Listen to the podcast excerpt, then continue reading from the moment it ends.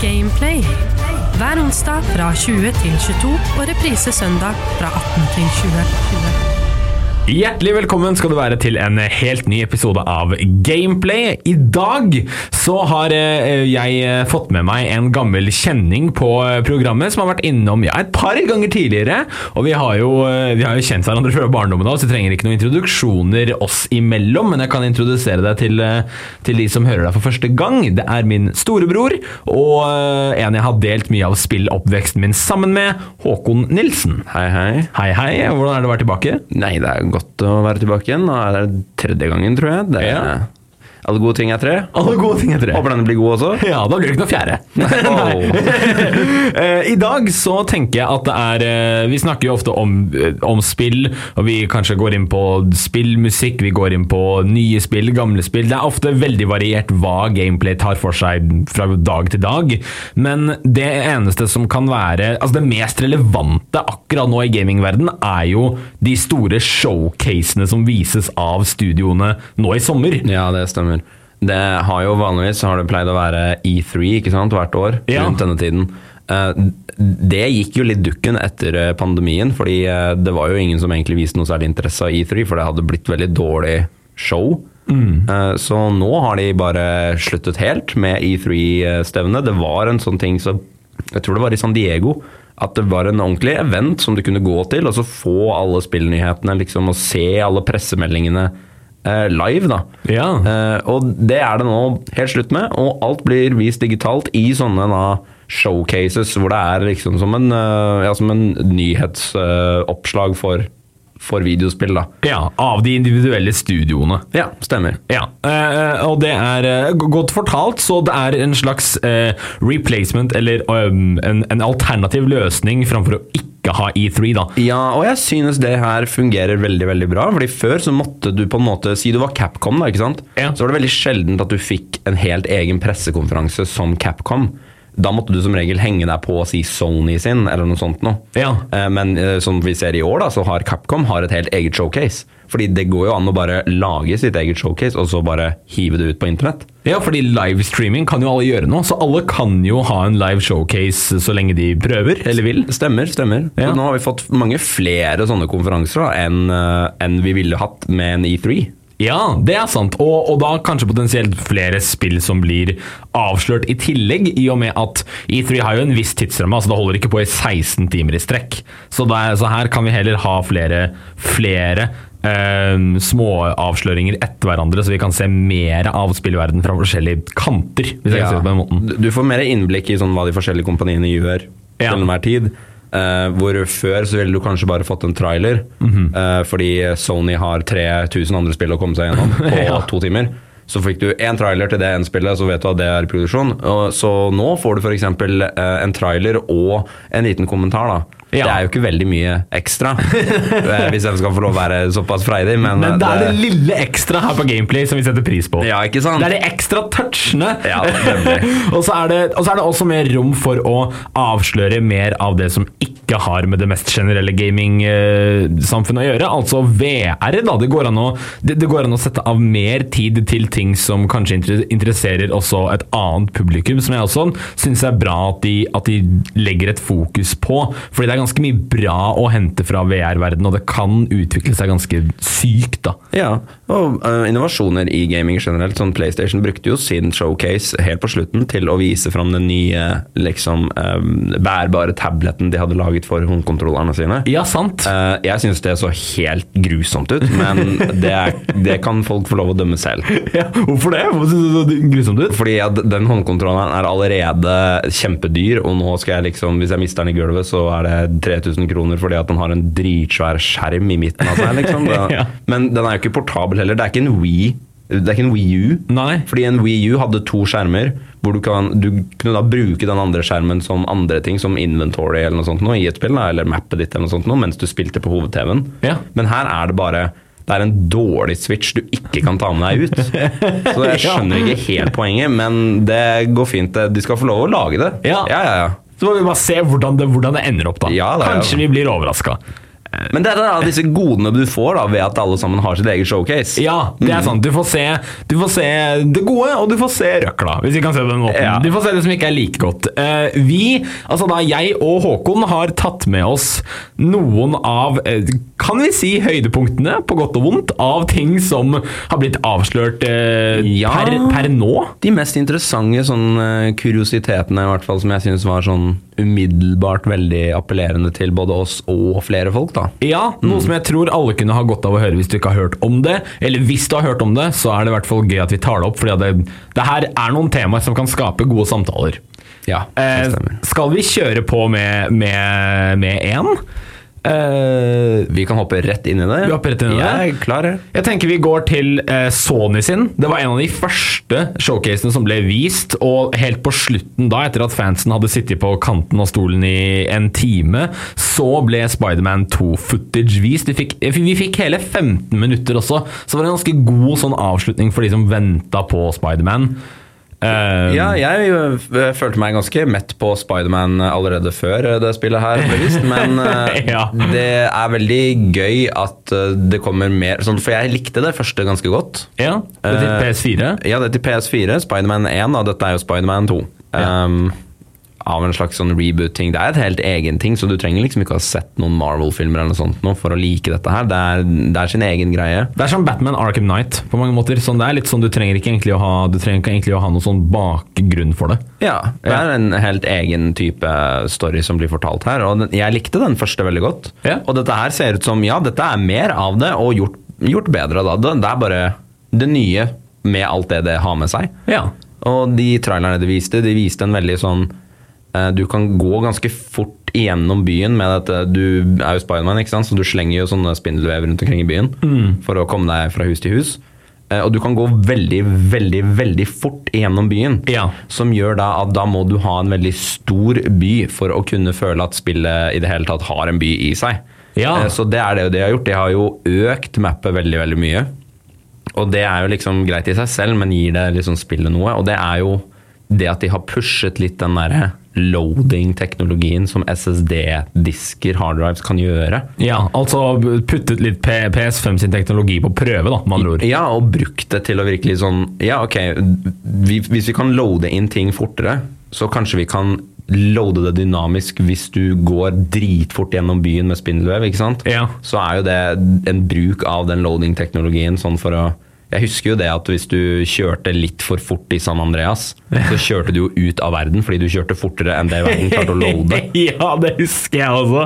Det var en veldig PS2-æra-ting. Ja. Ehm, men eh, og, og det her er jo ganske kult, fordi de viser, de viser ikke bare liksom Spiderman, de viser ikke bare litt av plottet til spillet, eller hvordan det funker, de viser også litt av innova innovativiteten til PlayStation 5. Og det er også det som de prøvde litt, var å vise Vi skal ikke bare vise deg Spiderman til PS5, vi skal vise deg Spiderman og PS5. Ja, Ja. og det er det jeg syns er veldig kult med altså Jeg er ikke sånn supergira for Spiderman-spillet fordi Spiderman, men jeg syns det er en veldig god måte og sånn Vi viser de teknologiske framskrittene her gjennom Spiderman. Vi bruker Spiderman som en slags sånn uh, Som en base. Ja, Ja. eller en, en, eh, en vessel, da, ikke sant? Ja. For, eh, for denne teknologien.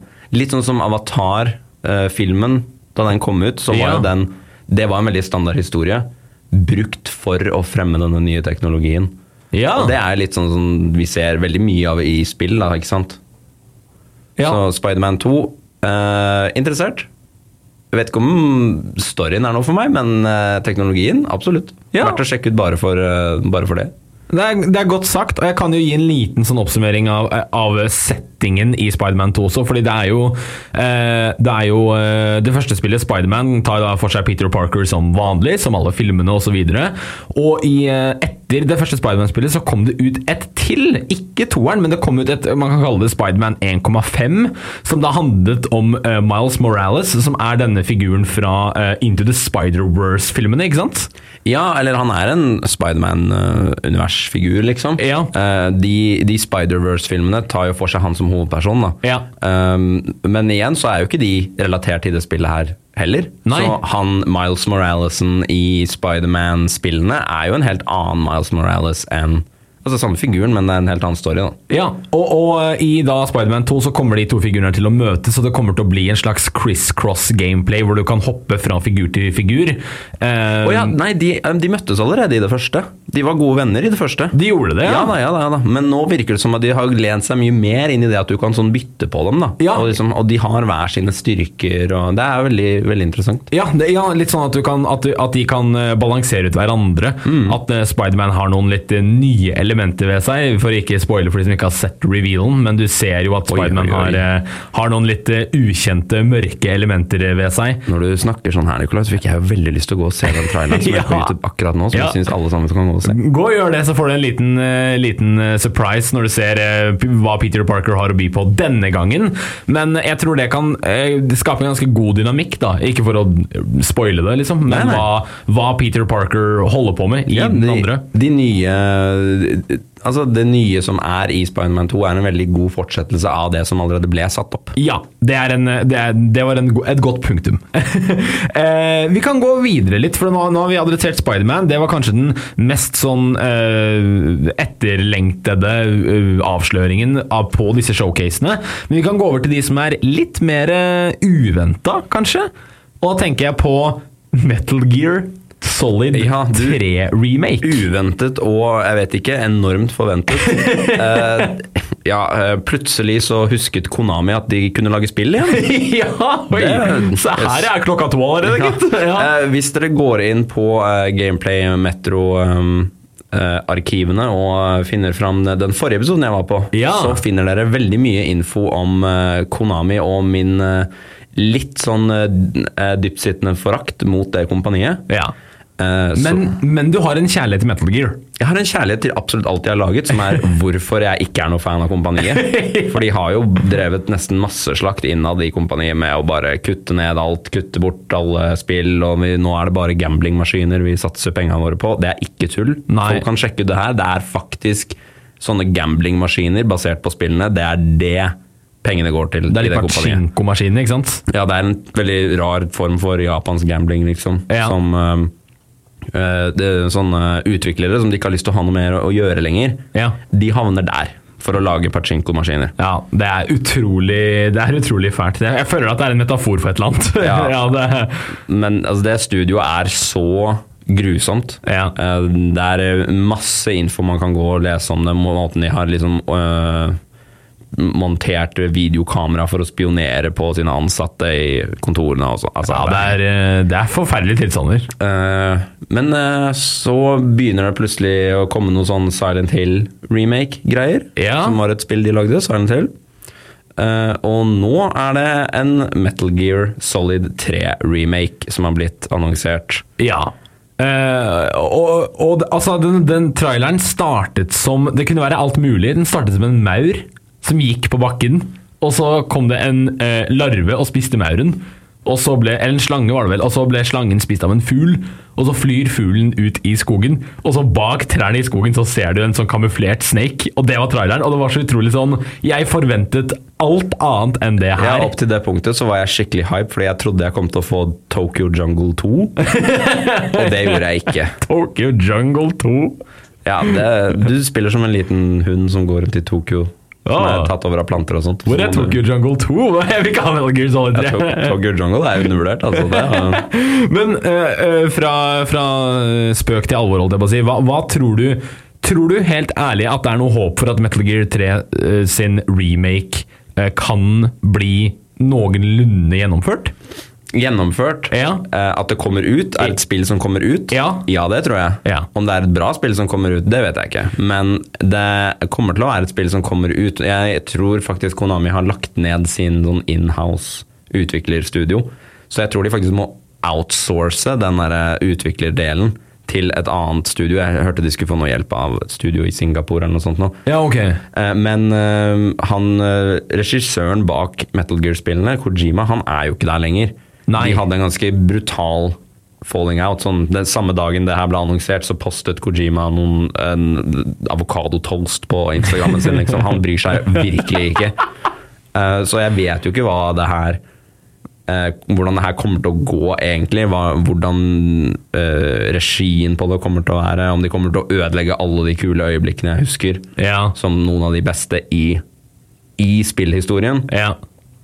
Så det blir jo spennende å se, men jeg er veldig skeptisk, altså. Det syns jeg du har all rett til å være. Fordi altså, var det ikke, jeg, tror- jeg lurer på det var forrige gang du var her på Gameplay, så snakket vi litt om, vi snakket om Silent Hill sitt, sitt downfall på mange måter, og hvordan eh, PT, denne demoen til spillet Silent Hills, aldri kom ut. Ja. Eh, og blant i, i den samtalen så nevnte du også i flengen at eh, de lagde en Silent Hill eh, remaster collection til eh, eh, PS3 Ja da, det stemmer. som, som ikke var basert på råfilene til spillene. Det var en direkte uh, oversatt kopi. Ja, det er en, det er en eh, hva skal jeg si, en slags rip av eh, DVD-platen spillet er printet på. det sånn- var ikke råfilene. Når du, når du liksom skal oppdatere noe, så pleier du å gå tilbake til liksom råmaterialet, og så pusse på det, og så gi ut det på nytt igjen.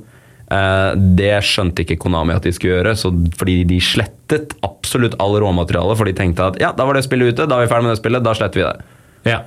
Uh, det har de ikke gjort med Metal Gear Solid, og det tror jeg er fordi at det er uh, det studio til Kojima, Koji Pro. ja. Um, jeg tror de har bare tatt vare på alt sammen, for de var ikke, de var ikke crazy som Konami var. Nei, okay. Så de har ikke slettet råmaterialet. Uh, nå tror jeg ikke de trenger det, for dette ser ut som en ground up remake. Altså de skal endre hele engine, liksom. Ja, bygge den fra, den fra bakken opp, liksom. Ja, uh, men de sa også at alle stemmene kommer tilbake. Ja. Um, David Hater som Snake, blant annet. Da, David altså. Hater har ikke gitt noe uttrykk for at han skal spille inn noe. Nei. på sosiale medier, eh, og ingen av de andre har det heller. Så jeg skjønner ikke helt hva det er de mener. Og så klikka det jo, da. Ja. Og det er jo at de skal jo faktisk bare porte all dialogen fra det gamle spillet og så bare over til dette. De skal hente lydfilene fra 2004 liksom over til uh, Ja. Jeg skjønner ikke hvordan de skal gjøre det på noen annen måte. Nei, men det kan jo bli Unnskyld språket mitt, det kan jo bli ganske dritt. Ja, Fordi du må lipsynke alt de sier. Ja, det, det er for det meste gjort med AIs. Ja. Eh, sånn lipsynking på den. Det er, det er på en måte Det er sånn du klarer å få eh, spill som har lipsynking til forskjellige språk. Som for eksempel, du har jo eh, disse Yakuza-spillene. Ja. Har jo blitt dubbet nå i nyere tider til engelsk. Mm. og da har de engelsk lipsynking. Ja, okay. Og det tror jeg er bare gjort med AI. Det er ikke så tricky. Nei. Jeg bare Jeg skjønner ikke helt hvordan du skal kunne klare å få stemningen til en helt ny regissert versjon av dette spillet og den gamle voice acting. Så jeg vet ikke om det kommer til å stemme overens, jeg vet ikke om kvaliteten kommer til å være god nok. Jeg, nå var disse veldig, veldig høy kvalitet av de stemmeopptakene fra 2004. Ja, det var det, ja. Men eh, nei, dette, det her høres ut som skikkelig sånn jungelprosjekt, altså. Ja, det, ja no pun intended. No, ja, for det der, ja, Det- det, er skjer jo i jungelen, faktisk. Ja. Eh, Men eh, enten så ser vi på nok en klein liten flause fra Konami sin side, eller så er det et lite, et lite svakt lys av et håp som, som kanskje kan tyde på at det er en Konami-revolusjon. Jeg vet ikke, at de kommer til opp på beina igjen og, og får tilbake smaken for, spill, eh, for faktisk spillutvikling. Det hadde vært eh, interessant greier. Det er utvilsomt spennende tider i vente. Det er det. Gameplay på Radio Metro. Ja, du hører på Gameplay, og jeg sitter her sammen med en tidligere gjest. En liten kjenning fra, fra programmet og en real gamer, hvis jeg kan kalle deg det. Håkon, eh, Håkon Nilsen, min storebror. Store ord. Store ord. ord for storebror. Store ord for storebror. og vi snakker nå om alle disse showcasene av spillavsløringer som har vært nå i, eh, i sommeren og skal fortsette ganske godt ut i juni. Hvor eh, alle disse individuelle spillutviklerselskapene og kompaniene kommer ut og viser hva, de har, eh, hva, hva vi har i vente til slutten av 2023, eller eventuelt da 2024. Ja. Eh, Vi har nevnt de to kanskje mest største for oss og på global basis, Spiderman 2 og Metal Gear Solid 3 Remake. Ja, stemmer. Eh, og det er jo mange andre å ta av. Ikke alle trenger å brukes like mye tid på. Nei, jeg tenker vi, eh, vi kan nevne det som er verdt å nevne. Ja. Det som jeg tror folk der ute kanskje har litt in interesse av. Eh, Sånn, jeg gidder ikke å nevne sånne ting som eh, Det er et spill som ble lansert som heter Sandland. Nei. Som er interessert, interessant for to stykker, deg og meg. Eh, oi, nå nevnte jeg det visst. Whoopsie! Ja, oi, nei, da fikk du det inn. Jeg trenger ikke å nevne mer. Nei da, det var det. det er eh, Sandland kommer ut, for de som vet det. Eh, De som vet, de vet. De som vet, de vet. Eh, Men det kommer også mange andre små og store spill ut. Eh, Kan jeg skyte inn med en liten ting sånn aller først på tampen? Go ahead. Vi får et nytt Prince of Persia-spill etter en liten stund med tørt eh, med informasjon fra den fronten. Ja, du, det blir interessant. Ja, Prince of Persia The Lost Crown eh, satt å komme ut da i 2024. Eh, Assassin's Creed-fans er i panikkmodus. ja, Assassin's Creed Mirage kommer til å bli ganske heftig overkjørt, tror jeg. Uff da. Nei da. Men Prince of Persia, det, altså jeg ønsker det alt godt, egentlig. Det har jo ikke vært på radaren på flere år. Nei. Eh, det- Du hadde den filmen som ingen så. Ja, sant det. Ja. Um, Men alle har sett coveret til den. alle har sett coveret til den. For jeg har også sett coveret til Jeg tror alle vet hva den heter også. Ja. Uh, ingen har sett den. Nei. Jo, mutter'n sånn. Mutter'n sånn? Ja. Ah, ja. Film for mamma. Congrats til deg, mutter'n. Um, uh, og så var det et spill før det på PS3 som var helt liksom greit. Ja. Det hadde ingenting med Prince of Persia sånn egentlig å gjøre. Sånn, det var veldig rart. Litt det som ungdommen kaller mid. Ja, det var midd i alt mulig rart. Ja. Sånn eh, seriekronologi og law og sånn. Det var liksom bare ingenting. Det var bare midt på. Det var ikke en reboot heller, men det var ikke en sequel. Sånn, det var veldig rart. Der du finner faktisk kjøttet til Prince of Persia, er jo de, de gamle spillene. De ordentlig gamle til eh, Er det, er det GameCube? Nei, ja, PlayStation 2. Ja. Jeg spilte ikke Prince of Persia, egentlig. Jeg spilte det aller første. Det Ja. gjorde jeg. Det er veldig gamle. Eh, Men jeg har egentlig ikke spilt de der Ubisoft-klassikerne. Nei. Um, uh, men jeg har jo fått med meg at det var veldig stort. Ja. Og at Assassin's Creed egentlig tok litt over uh, det prosjektet der hvor Prince of Persia startet Prince of Persia gikk så Assassin's Creed kunne løpe. Ja, hvis jeg kan si det sånn. ja, det er helt lov å si. Uh, ja. Og nå er det jo veldig dødt for Prince of Persia. Så jeg synes det er veldig kult og gøy at de prøver seg igjen. Mm. Ja. Um, masse lykke til.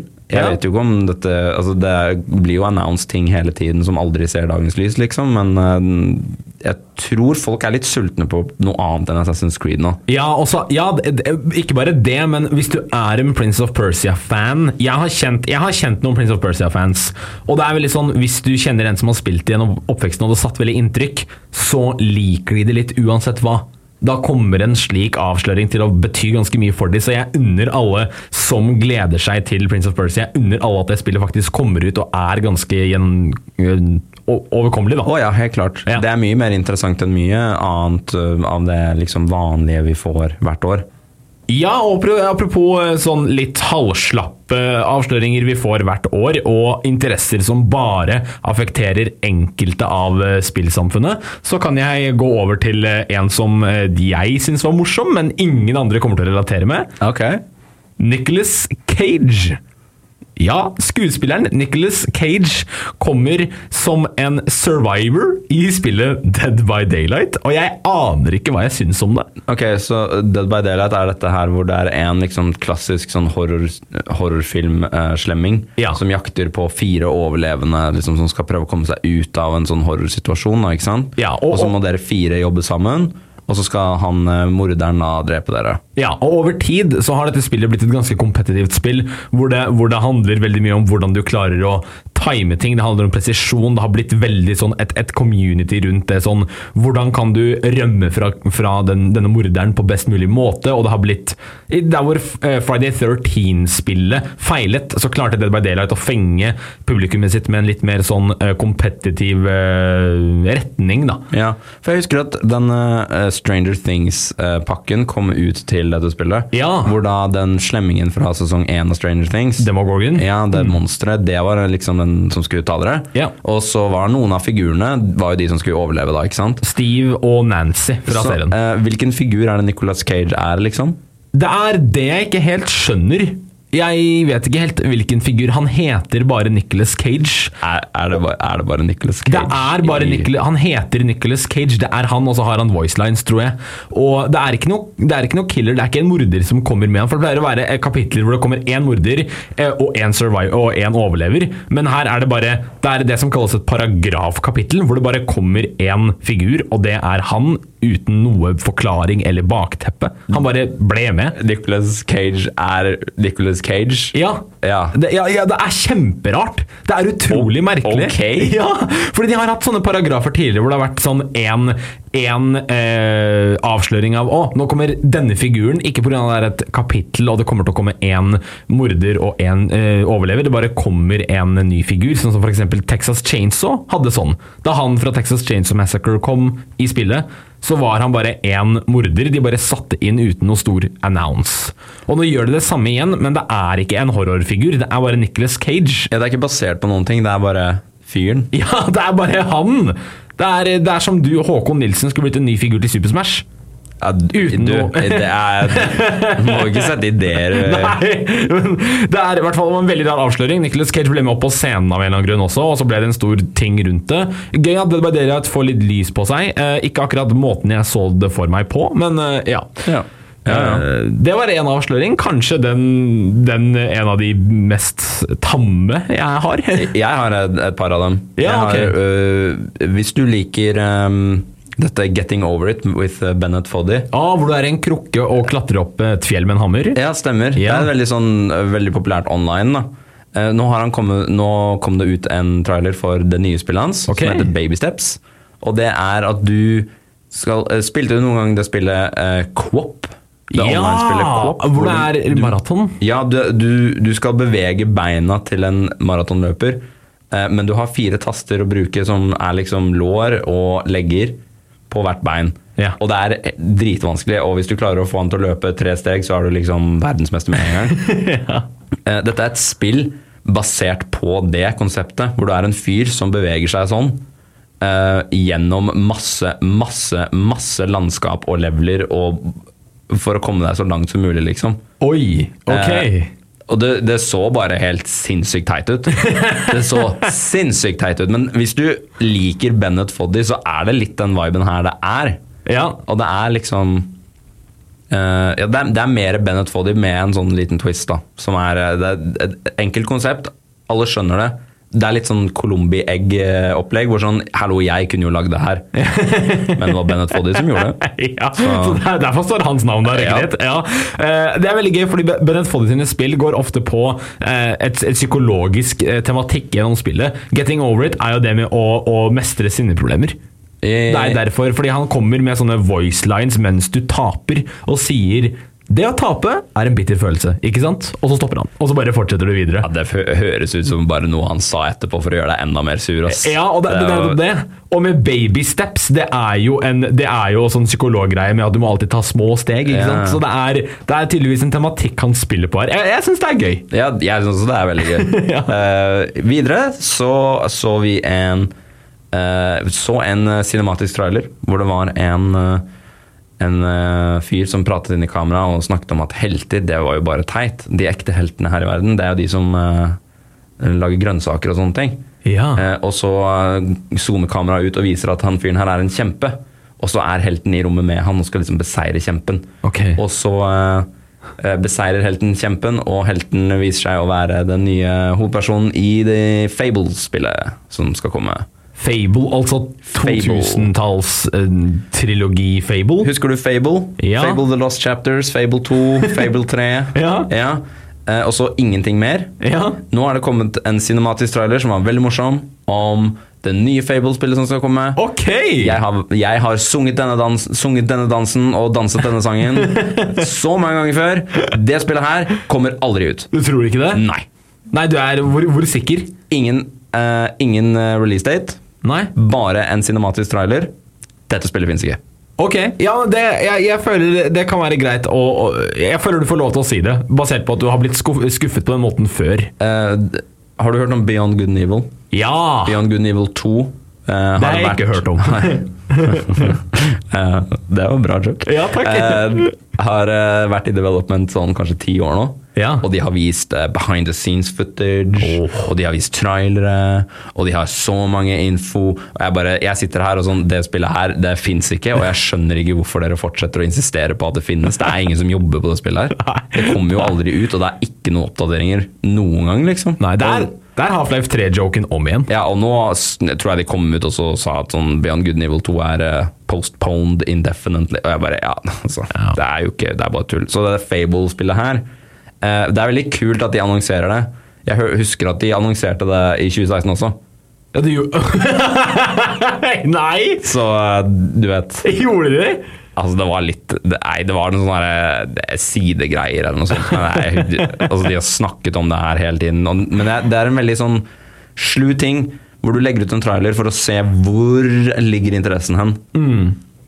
Er folk veldig interessert i dette produktet? Uh, og, altså, jeg tror folk liker Fable. Ja. Jeg liker Fable. Ja. Um, så hvis det leder til noe, så kanskje. Men jeg tror ikke, mens vi prater om det her nå, at det spillet er i active development, det tviler jeg veldig sterkt på. Det er kanskje ikke høyest på prioriteringslisten, men altså, det er gøy at vi fikk den ene lille teaseren som var morsom og leken, men om det er noe mer til det, får jo egentlig bare tiden vise. Ja. Ja. Eh, videre? Videre, videre har vi Star Wars Outlaws. Ja, den har jeg sett. Ja. Um, uh, som jeg liker å kalle den, Star Wars 1313 at home. Ok, hvorfor det? Fordi Star Wars 1313 var uh, et Bounty Hunter-spill hvor du spilte som en Mandalorian. ja. Det, dette var ganske lenge siden. Dette var før Disney kjøpte opp Star Wars. Ok, så det er før Mandalorian-serien? Ja, lenge før. Dette er, det var ganske Folk var veldig sultne på dette spillet. For det var veldig lite Star Wars-ting på denne tiden. Og folk så veldig fram til å sånn, gå rundt som en bounty hunter og liksom eh, jakte på sine targets og bruke masse sånne eh, småting de hadde i liksom, beltet sitt. Sånn eh, bomber, eller snike seg rundt og finne informasjon og liksom være Bobafett, da. Ja. Ikke sant? Um, og så ble det liksom aldri noe av, fordi de jobbet tett på George Lucas. Og George Lucas er George Lucas. Eh, og skjønner ikke at sånn videospill så kan man ikke bare endre på ting midt under produksjonen. Nei. Så han kom jo inn og kom med masse sånn derre «Eh, jeg tror kanskje at hvis vi gjør sånn her istedenfor, så er det bedre for storyen. Og det betydde ok, men da må vi slette alt det vi har jobbet på, og så gjøre noe helt annet. så det gikk jo aldri noe sted, dette her. Um, og til slutt så ble det da delayed for alltid, som det heter, når Disney tok over. da. Eh, og det her tror jeg er litt ringvirkningene av det. Er, vi fikk aldri Star Wars 1313, så det ble liksom gitt ut litt sånn her og der. Sånn her er Mandalorian som tar noe av det, og så tar dette noe av det.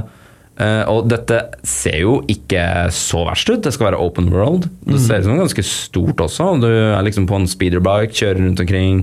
Det er Star Wars-verden, og du, du har ikke uh, sånn eh, lyssabel og sånn.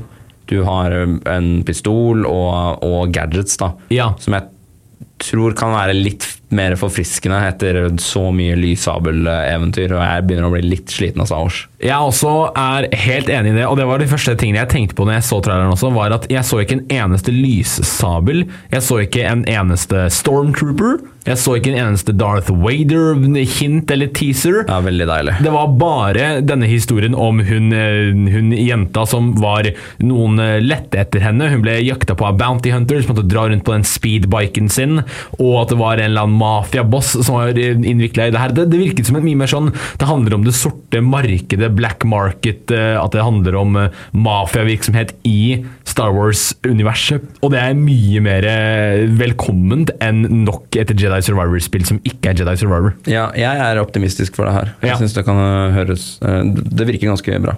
Ja, jeg, jeg også er, har, har øynene åpne for det spillet her. Eh, jeg kan ta en til sånn kjemperask som ikke egentlig Det har ikke så mye med spill å gjøre, men vi skal til TV-verden nå som vi nevner Star Wars. Ah, ja, ja. Witcher sesong 3. ja.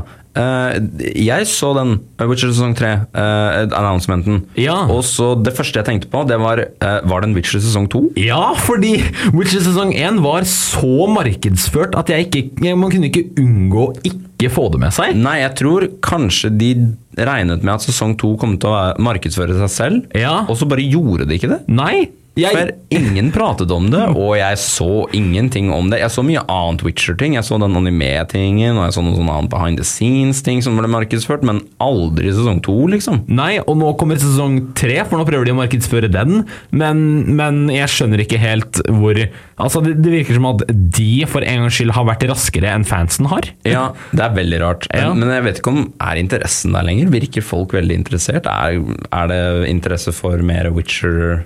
Jeg tenker at Når vi har to mediumer den historien har blitt fortalt på allerede, i form av spill og bøker, eh, så trenger man kanskje ikke nødvendigvis en tre, et tredje medium å fortelle det gjennom. Eh, fordi altså, TV, film og serie er utrolig bra for historiefortelling, men spill og bøker gjør det jo egentlig kanskje litt bedre, når det har blitt fortalt tidligere. Ja, jeg så ikke så mye av den første sesongen, men av det jeg så, så var jeg litt sånn Ok, dette her ga ikke det, det ga ikke historien noe som ikke allerede var der i bøkene, liksom. Nei, det er akkurat det jeg tenker på. At det er, det er straight up bare Hva om det var Henry Cavill som var mannen du leser om? Ja, jeg så han derre grisemannen i sesong to, da. Det var litt gøy. Grisemannen? Ja, Han eh, som bor i det slottet. Og jeg bare Ja, Ja. Det kan bli, det kan bli gøy. Ja. Og så bare mista jeg interessen. Ja, ja det, er, det er rart med det, er det ikke? ja. Sånn går det. Ja.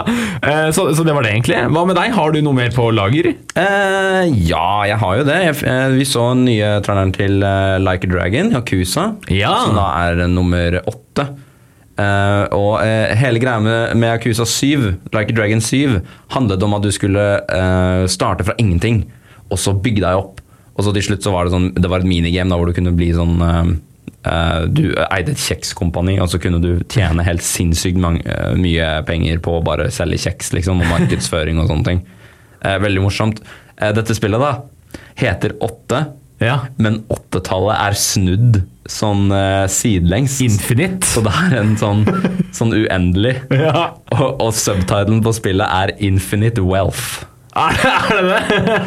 Eh, og bare det gjorde meg så solgt på spillet at uh, ja, nei, jeg er med, ass. For da kommer det til å være masse sånn marked-minigame og sånne ting. Jeg håper det. det er, de, men de, de som lager de Like a Dragon-spillene, er veldig morsomme, så jeg, jeg ser veldig fram til Like a Dragon 8. Ah, så gøy. Ja, fordi at Yakuza-spillene er de som tar for seg det, det, er, det er Handlingen skjer i Japan og handler om Yakuza-bedriftene, eller? du, Ja. Det var en veldig morsom ting med den, for det er en trailer. ja. Og traileren tar ikke sted i Japan. Oi! Han våkner opp på en strand, Ja. eh, helt naken, og så begynner alle folk å reagere på at han er helt naken. Men ingen snakker japansk. Nei! Det er i Los Angeles. er det det? Og jeg vet ikke hva det vil si, for det, de gikk ikke noe inn på det annet enn at sånn er denne traileren er i Los Angeles. Ok. Men skal vi globalisere dette kjekskompaniet? Fordi jeg er med, ass. Yakuza like a cracker. Men eh, det er veldig gøy. Og så så vi vel en liten sniktitt av at Kiryu er tilbake, hovedpersonen fra de første spillene. Nei, det var den første traileren. Den, Ja. den her, her var han ikke i det hele tatt. Nei, okay. Så jeg, jeg vet ikke om de bare tuller med oss. jeg. At det, det er bare tøys, liksom. ja, hvis, er, hvis, du, hvis du ikke har noe Jeg husker den første traileren, så satte de på Kiryu en sånn jævlig teit parykk. Så jeg, Ja, jeg lurer på om de bare tuller. hvis, du, hvis du ikke har noe å hekte Yakuza på, så kan jeg si Bakami Tai. Den der ene sangen som var veldig gikk viralt på, på TikTok og sånn. Ja, Eh, det er fra Yakuza karaoke-minigamene i Yakuza Zero. Altså, Folk må ikke sove på Yakuza Zero. Dere må ut og spille Yakuza Zero. Det spillet er helt sinnssykt gøy. Det er en veldig god miks mellom hype japansk historiefortelling, eh, tullete eh, sidequester og utrolig overseriøse slåssescener. Ja, det er, det er alle 80-tallsklisjeer du noen gang har sett, bare putta inn i den perfekte mafiahistorien, liksom. Det er veldig, veldig kult. Uh, kult! Er det noe mer du har på i kassa? Nei, aller sist var bare dette at det var en Starfield-visning. Ja. Starfield er jo dette nye til Bethesda. De har jo snakket om uh, dette veldig lenge, og det har vært veldig mye development. Og jeg, på, på lik linje, jeg må jo faktisk ta denne L-en, som de sier. På lik linje med at jeg sier at Fable fins ikke, så uh, fantes ikke Starfield heller Ja. i hodet mitt. Uh, helt til nå. Nå tror jeg litt mer på det, for nå har de kommet ut med litt sånn gameplay og sånne ting. Altså Det er jo fake gameplay, selvfølgelig, fordi at, fordi at det er bare sånn det er. Ja. Men um, uh, nå hadde de en hel visning, pressevisning om Starfield. Hvor de viste mye om sånn hvordan det funker å gå rundt i verden. og hvordan skipet ser ut, hvordan skipet ser ut innvendig. Ehm, litt mer om sånn character creator, og så lagde de den, sånn, den styggeste figuren jeg noen gang har sett. Og det var litt morsomt, egentlig. Um, men masse, eh, masse sånne ting om, eh, om Todd Howard uh, som Tom, Todd Howard, da, som lager disse spillene. Ja. Han var veldig interessert i å liksom utbrodere og fortelle veldig mye om sånn, alt det du kunne gjøre i spillet som Altså, Det kommer ikke til å være der på release, det må jeg være helt ærlig om. fordi sånn, Han snakket om at de skulle ha spyd i Oblivion, og Oblivion har fortsatt ikke spyd. Det skulle kommet i 2006. Nei. Så jeg tror ikke på noen ting av hva Todd Howard sier. Eh, Jeg tror på det han viser. Ja. Eh, Litt mer, i hvert fall. Han viste faktisk footage av spydet i Oblivion også. Det ble ikke noe. Ja, han hadde sånne syke komboer og sånn, men eh, ja. Um, nei, eh, jeg, jeg vil passe litt på at folk eh, roer seg litt med forventningene sine, for det er fortsatt Bethesda og Todd Howard, og han ljuger helt sinnssykt mye. ja. Todd Howard er for øvrig da mannen bak Oblivion og Skyrim. Ja, og Morrowind, faktisk. Og, og Morrowind, ja. Ja. Um, han, han har jo vært der på uh, det kompaniet veldig lenge, og han har laget veldig mye Fallout også, Fallout 4. Ja. Uh, og altså, Hvis folk husker Fallout 76 og den katastrofen, så uh, vil jeg si kanskje slappe av litt med Starfield, men det ser ganske lovende ut. ja. Eh, ikke Ja, jeg vil advare folk, ikke preordre dette spillet. For det er alltid skikkelig ødelagt på release. Det er Bethesda-spill. Um, men eh, hold et øye med det, for det kan faktisk være litt kult. Ja. Eh, men vi har en utvikling av en veldig kjent frase. Da Todd Howard eh, kom ut med Skyrim, så sa han eh, Han liksom viste kamera over hele verden, og så sa han sånn Ser du det fjellet der? Du kan klatre, det fjellet, du kan klatre på det fjellet. Det ble jo et kult-meme. Det ble jo en vits fortalt i århundrer Ja, etterpå. ja, ja. Sånn bare tøys, liksom. Fordi Ja. du kommer til det fjellet, og sånn, så du, ja, du kan jo teknisk sett klatre på det, Ja. men det er sånn skikkelig ødelagt og broken. Sånn, det er ikke meningen at du skal klatre på det i det hele tatt. Men Liksom. så, så er det så dårlig bevis på hva spillet kan gi deg. Det er sånn, Ser du den døra der? Du kan åpne den. Ja, selvfølgelig kan ja, det er, dør. det er veldig fake, men vi har en utvikling av CVD-fjellet. du kan klatre på det. Ja, ok. Se den planeten, du kan dra dit. Og det, ja, det syns jeg var veldig morsomt at han uironisk bare sa det. Ja, det er veldig gøy. Altså. Det er så gøy. Han, han lærer ikke av sine feil. Nei. Men, og så driver han og sier masse sånn her ja, det, og Istedenfor én verden, så er det tusen verdener. Og jeg sitter og tenker dude, ok, det er et, det er et lite sånn Skyrim-map. Tusen ganger. Ja. Eh, kanskje. Jeg vil kanskje si ja, 150 maks. Ja. Og, men uh, jeg tror det de har gjort, er at de kanskje har brukt AI-teknologi for å lage disse mappene. Det vet jeg ingenting om. Nei. Dette er bare noe jeg spekulerer på nå. Og det kan være litt kult å se hvordan de uh, har brukt liksom, teknologi for å på en måte kanskje lage dette litt mer automatisert. Da. Jeg vet ikke helt hvordan de har gjort dette her. Det, blir interessant å, det er interessant å se på teknologien bak det, og interessant å se hvordan det ser ut i praksis. Så ja, jeg er, opp, jeg er litt optimistisk for Starfield. Ser fram til det. Eh, vil nok bare passe litt på med tanke på dette studios uh, repertoar.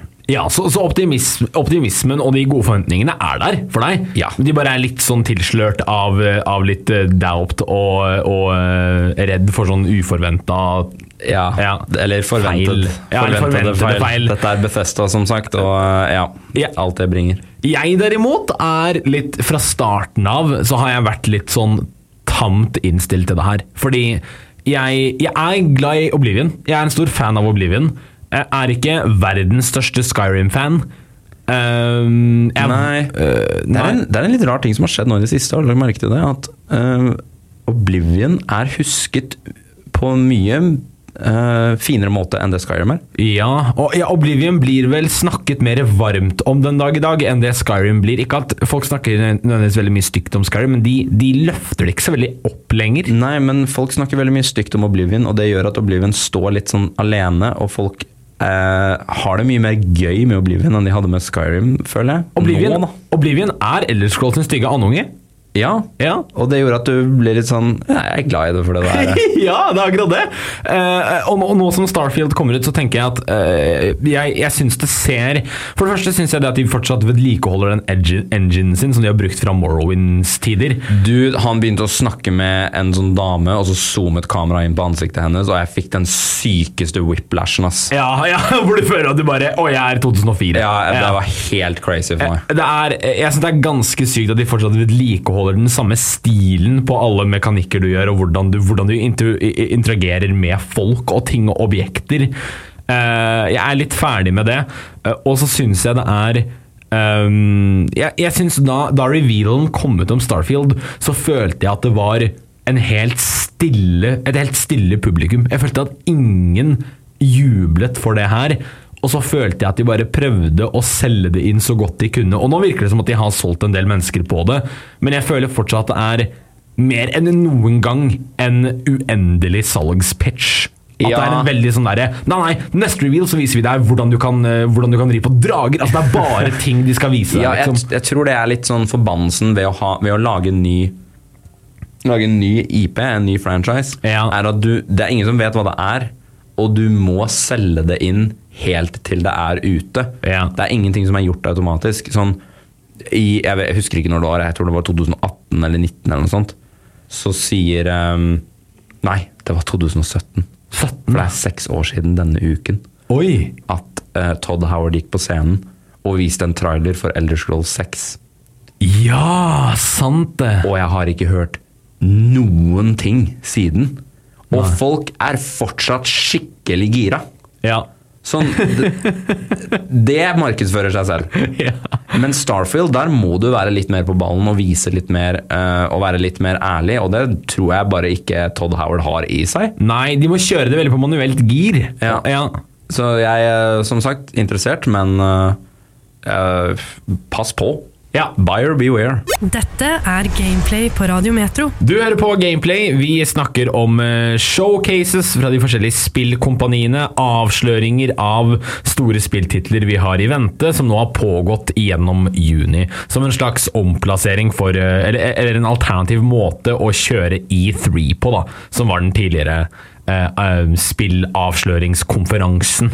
Ja, det stemmer. Og nå, nå er vi jo på eh, Vi har tatt opp, en, tatt opp ganske gode titler. Vi har eh, slengt litt forskjellige spill som kommer til å komme eh, ut på bordet. Og vi har fortsatt én til som du er litt begeistra for. Ja, og jeg tenker det er fint å ta opp for folk som er RPG, JRPG-fans. Ja. Er da at det kommer en sånn spin-off av Persona 5.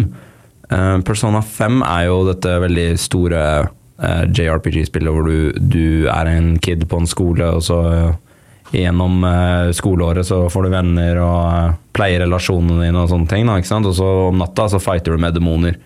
Med dine egne demoner og med gruppa di, liksom. Eh, og så har denne spin-offen kommet, da.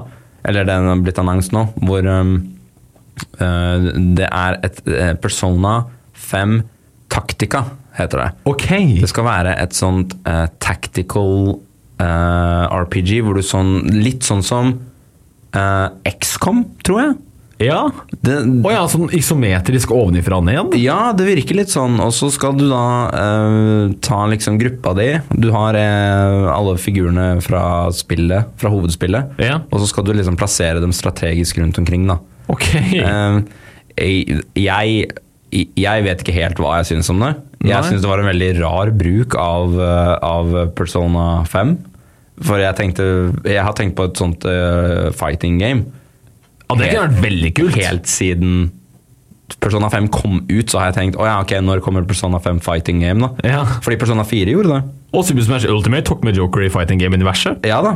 Uh, men uh, nei, vi går tactics. Ja. Og sure, det kan bli gøy. Eh, jeg har ikke noe interesse av det, egentlig. Nei. Eh, men jeg har interesse av den andre Persona-tingen som ble annonsert. Ja, fordi det er veldig gøy at, du drar det her inn i, eh, i Gameplay sitt univers. Fordi jeg har ikke snakket nok om det enn det jeg egentlig vil. Jeg har, jeg har lyst til å prate så mye mer om Persona, og det er perfekt anledning når avsløringen av Vil du si det? Persona 3 Reload. Persona 3 Reload kom på scenen. Dette her er da en remake av spillet Persona 3, som har blitt veldig lite plukket opp siden det ble lansert. Du har fått noen sidespill her og der, et dansespill blant annet.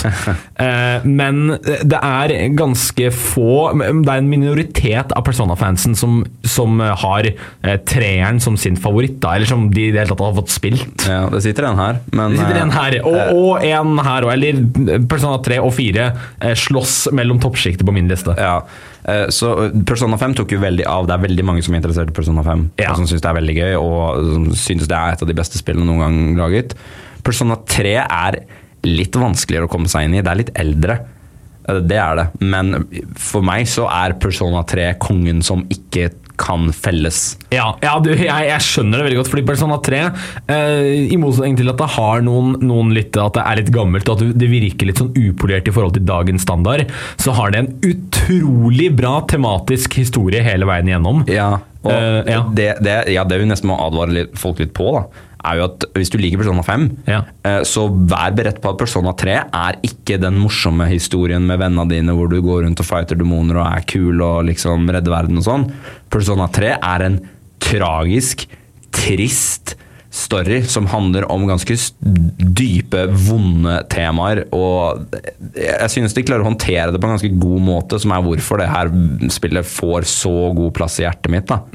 At det er ja, rett og slett litt mer voksent da, enn en det Persona 5 og 4 er. Det var ikke poenget med 4 i det hele tatt, som er hvorfor jeg syns 4 er ganske morsomt også. Ja. Fordi 4 er mer tullball, Ja, og, og det omfavner tullballet. Men, men samtidig som det er tullball, så er det som dro meg inn i Persona 4, var at Jeg må også sette scenen litt. Jeg spilte Persona 4 da, jeg, eh, da covid kom inn i bildet, og jeg hadde de tre siste månedene av tredje videregående hjemme. Så Ja. spilte jeg Persona 4. Så du var litt der. Jeg var litt der, og, og, og, og følte veldig med denne ungdomsgjengen. Og Persona 4 er eh, Ikke bare er det at du slåss mot demoner og henger med venner på skole, i skoletiden, men det er også et murder mystery, hvor du leter etter en morder. Det er Ja. liksom hele greia til Persona 4. Ja. Eh, og, og tematikken der handler veldig mye om, sånn, eh, om det å kunne eh, være eh, Møte sine svake og, og det man kanskje tenker på som udugelige sider da, av Ja. seg selv. Og Persona 3 går enda mer inn på det her. Det, det var jo på en måte Altså, Persona 1 og 2 er veldig annerledes spill. De er basert på Shin Megami Tensei. Ja, som er en annen serie. Så Persona 3, da det kom ut, var det helt sinnssykt revolusjonerende. Altså, det, dette med at du, du er en fyr på en skole, og du går gjennom hele skoleåret dag for dag. Ja. Pleier relasjonene dine. Og de relasjonene du pleier, de gjør eh, demonene du har, sterkere. Ja. Og så videre og så videre. Sånn, det var så mange systemer som jobbet samtidig, som var så imponerende på den tiden. Eh, og samtidig som det håndterte veldig, veldig mørke temaer og veldig voksne, voksen tematikk. Så eh, jeg ser veldig fram til å se disse litt halvveissystemene, for altså, dette var jo lenge siden. Så alle disse veldig nye systemene var jo ikke perfeksjonert ennå. Men Persona 5 er perfeksjonert. Ja, og, og, og det er det som er litt sånn eh, ironisk, kanskje. at Persona 5 er ikke Historiefortellingen og tematikken er ikke like dyp som Persona 3 og 4, men gameplayet og turn-based combat fra i, i, i nåtidens moderne teknologi eh, tas til nye høyder. Ja, det er, det er kanskje den beste sånn turn-based com combaten jeg har vært borti i Persona 5. Ja. Sånn den, mest, den mest morsomme turn-based, sånn ganske vanlig turn-based combaten jeg har vært borti. Mm. Eh, det implementert i Persona 3. Å, fy søren. Det kan, det kan være eh, det, det kan være Game of the Year. Game Selv om det er en remake. year, og, every year. Ja, Sånn, every year. Hvordan er ikke dette bare det beste spillet noen gang laget, liksom? Ja. Eh, men eh, alle, alle områdene er helt redesigna også til å se ut som Persona 5-områder. Alle portrettene er tegnet om igjen. Sånn alt er gjort på nytt Mm. med denne Persona 5-enginen. da. Ja. Som jeg tror kommer til å hjelpe å bære dette spillet så mye, hvis de ikke ødelegger noe av storyen. Ja. Ja, det, det syns jeg er godt sagt. Og så er det jo eh, Det er jo andre forskjellige ting til Persona som er veldig sjarmerende. De er ofte ganske, hvis jeg kan si det på den måten, fargerike spill. Combaten er veldig den, er veldig morsom. Det er veldig mye sånn eksplosjoner, mye gøy. De er veldig sånn eh, Hvordan skal jeg si det? Det er, det er nesten eh, Ja. hvis du skjønner hvor jeg vil hen. De, veldig de lente seg mye mer inn i det etter tid. Ja. Eh, Persona 3 er jo litt sånn, men, men den type liksom sånn veldig fargesprakende sånn som Persona 5 har, Ja. det vet jeg ikke om helt passer inn i viben til Persona 3. Nei, Det er derfor, de, Du nevnte jo dette at de lagde dansespill av Persona 3. Og det eneste jeg klarte å tenke på når jeg så den traileren, var dette her er bare så feil. Ja. Se, de danser med sånn folk som er døde, liksom, i storyen. Jeg bare, jeg, det, det traff helt feil. Ja, det, det, var, det var veldig rart. Det var litt sånn at de ig- ig- ignorerer plottet, på en måte. Ja, det, det var skikkelig merkelig. Uh, men det Persona kanskje stiller sterkest med når det kommer til det litt sånn kunstneriske mm, elementene ved spillet, er musikken. ja. Musikken til Persona er utrolig bra. Og Jeg har nevnt det tidligere når jeg hadde Erik Fossum her på Gameplay, at uh, de er alle sammen forskjellig tematisk, akkurat som i historiefortellingen også.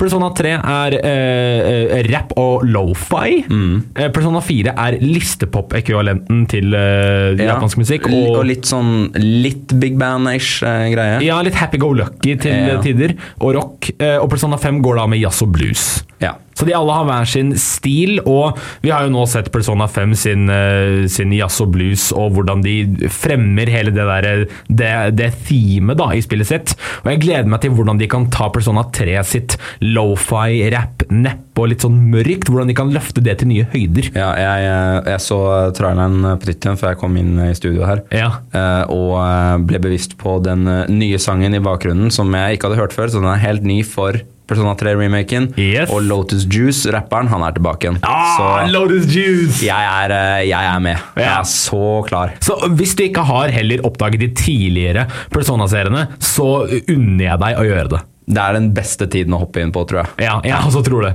Eh, og det er også den beste tiden å si tusen takk til deg, Håkon, for å ha vært med på Gameplay. Jo, nei, det var ingen årsak. Jeg koser meg jo hver gang jeg er her. Ja, så bra. Det er veldig koselig å ha deg her også. Hvor kan vi finne deg i den store, vide verden? Ja, du kan finne meg på både Instagram Ja. og på YouTube, eh, hvor da mine profiler og kanaler er da under eh, navnet Speham. Speham. S-P-E-H-A-M. Yes, Og der kan vi finne Vi kan finne På YouTuben så lager jeg jo litt rare videoer. Videoer Ja. som jeg syns er eh, gøy. Jeg holder på å jobbe med noe Final Fantasy-relatert. Ja. Eh, har altså sluppet ut Final Fantasy-relaterte videoer eh, før. Og på Instagram så legger jeg ut litt sånn kunstgreier, da. ja. Hvor jeg f.eks. jobber på en egen tegneserie på si, og ja, litt forskjellig sånn. Ja.